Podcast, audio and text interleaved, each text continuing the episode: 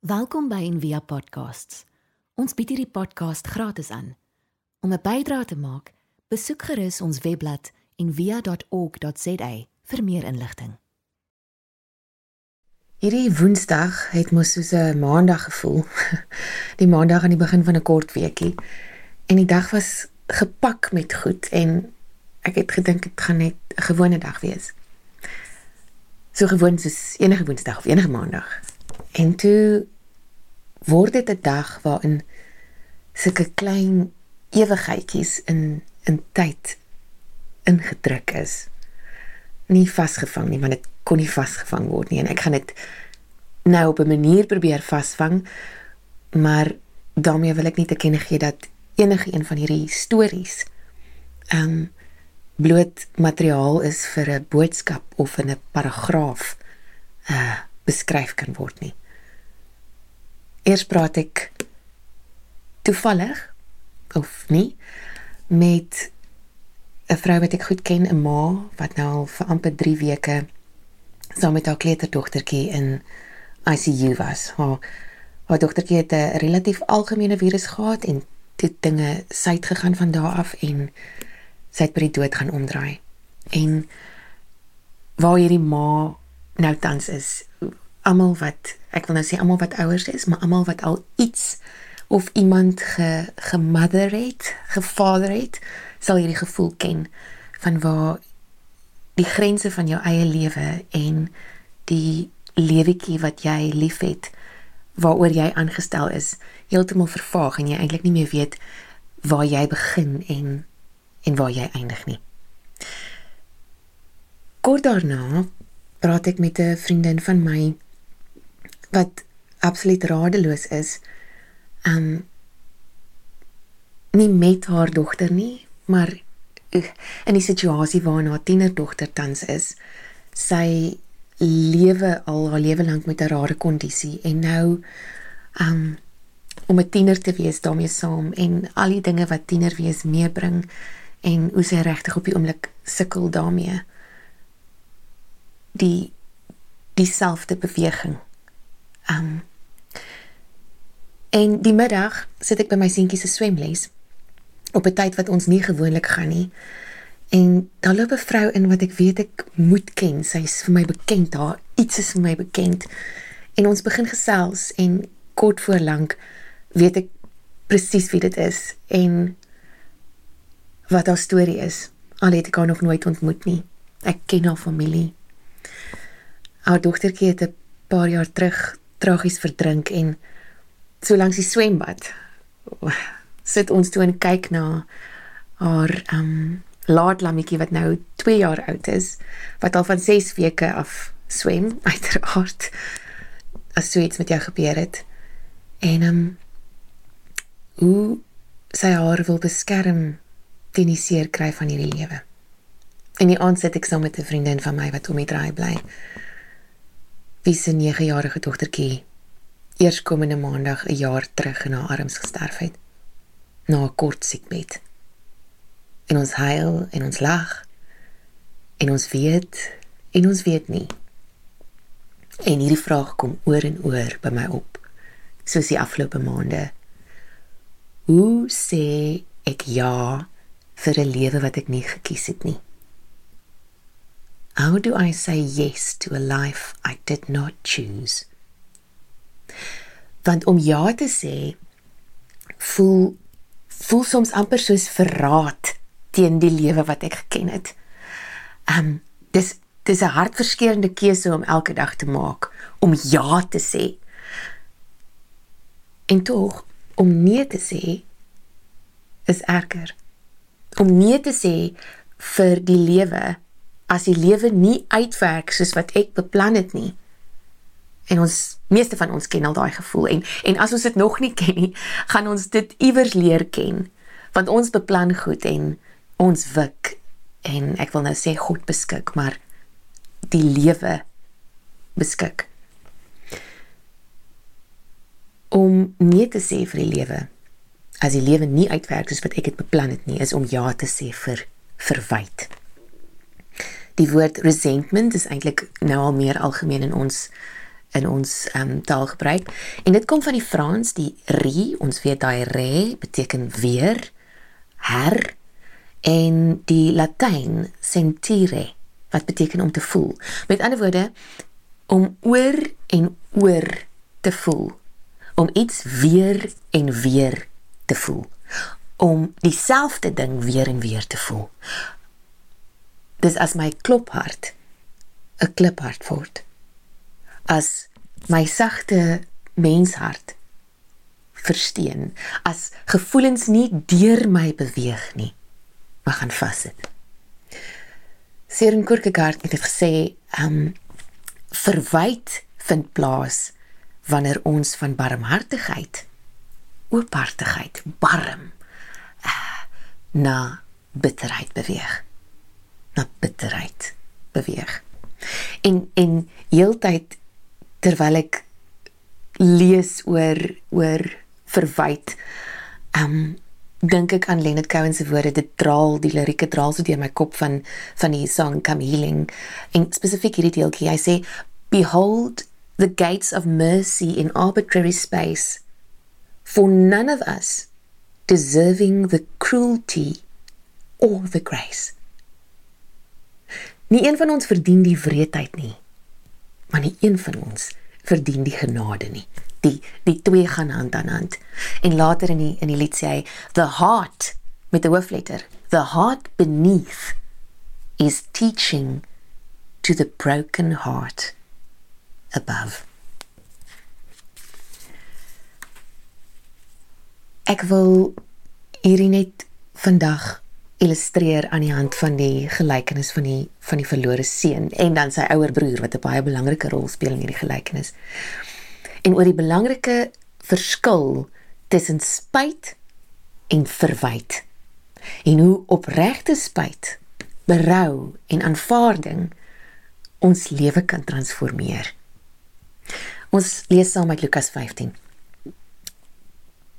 Maar die vader sê vir sy diensknegte bring die beste kleed en trek hom dit aan. En gee 'n ring vir sy hand en skoene vir sy voete en hy het opgestaan en na sy vader gegaan. En toe hy nog ver was, het sy vader hom gesien en innig jammer vir hom gevoel en gehardloop en hom omhels en hartlik gesoen. En sy oudste seun was in die veld. En terwyl hy al nader aan die huis kom, hoor hy musiek en beurtsange. En hy roep een van die diensknegte na hom toe en vra wat dit beteken. En die sê te hom: "U broer het gekom en u vader het die vetgemaakte kalf geslag omdat hy hom gesond teruggekry het." Maar hy antwoord en sê vir sy vader: "Kyk, ek dien u so baie jare en ek het nog nooit u gebod oortree nie. En vir my het u nooit 'n bokkie gegee sodat ek saam met my vriende vrolik kon wees nie. Maar toe hierdie seun van u kom wat u goed met hoere deurgebring het, het u vir hom die vetgemaakte kalf geslag.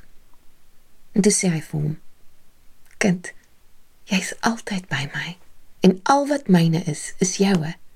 Ons moet tog vrolik en bly wees, want hierdie broer van jou was dood en het weer lewendig geword. En hy was verlore en is gevind." In in Eugene Peterson se vertaling, ehm um, net voor hierdie storie staan hierdie woorde: Count on it.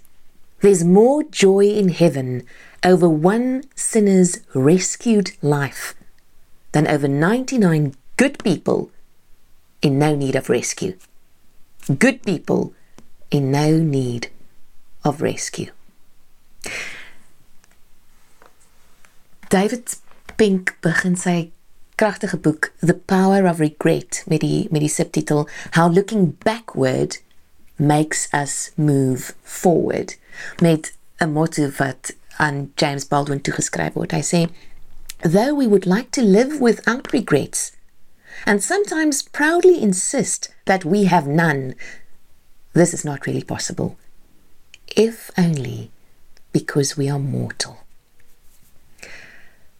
Ons ken almal die um, die lied wat eintlik van uh, Edith Piaf se se loopbaan van 'n net 'n chanteuse um omskep het na 'n na 'n diva, na 'n ikoon. Uh non, je ne regrette rien. Ons ken almal daai. Um dit word in soveel ad campaigns gebruik. Um soveel mense het tattoos daarvan en nog meer mense leef by hierdie lese. Uh dat dit amper soos agtergrondmusiek vir ons almal geword het al. Dit wat sê forget the past, seize the future. Gryp die toekoms, vergeet die verlede. Bypass the bitter, savor the sweet. Bypass net die bitterheid van die lewe en en geniet net die soetgoed. Um dat 'n goeie lewe verbind word aan 'n 'n een fokus en dis vorentoe. En een fokus en dis positief. En dis asof spyt of regret al twee daai miskien positief en vorentoe. Maar dit is nie so nie. Opregte spyt is 'n blou druk vir 'n goed geleefde lewe. Opregte spyt is 'n teken van menswees. Is om te sê ek is mens en ek maak foute en ek is sterflik. Dis waardevol. Dit kan lei tot dit kan lei tot helderheid. Ehm um, dis insiggewend. As dit reg gedoen word, hoef dit ons nie af te trek nie. Dit kan ons oplig. Daar kan 'n partytjie gehou word as opregte spyt in ons lewe plaasgevind het. En opregte spyt dink ek is die antitese van verwyd. Want spyt om om om iets in die oë te kyk van onsself, om om terug te kyk en iets raak te sien wat ons verblind het, wat ons blind gemaak het vir ons toekoms, kan ons hele lewe verander. En dit maak dat verwyd, resentment nie in ons gaan sit nie. Want goed vloei deur emotions. En David Pink noem hierdie ehm um, noem spyt, regret, een van die mees misverstane emosies. Ehm um, as ons die eksamen doen by by NVA as 'n geloofsgewoonte, as 'n practice, is dit ook hoekom ons dit doen. Want iemand het gesê ons kyk vorentoe maar ons sien agteruit. Ek wil afsluit met um iets wat David White geskryf het oor oor regret. Regret is a short, evocative and achingly beautiful word. An elegy to lost possibilities. Even in its brief enunciation, It is also a rarity and almost never heard, except where the speaker insists that they have none, that they are brave and forward looking and could not possibly imagine their life in any other way than the way it is.